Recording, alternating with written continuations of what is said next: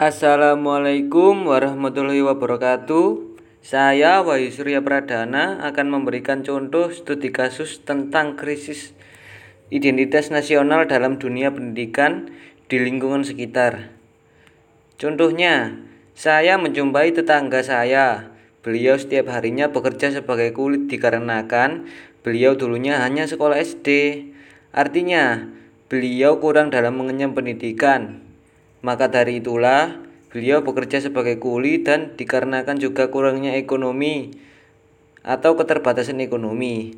Itu contoh krisis rendahnya pendidikan di lingkungan sekitar.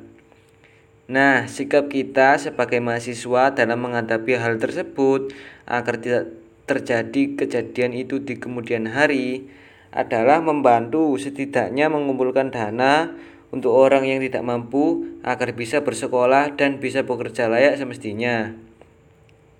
Dan juga bisa mengatakan hal tersebut ke pihak yang berwenang, contohnya RW atau kepala desa.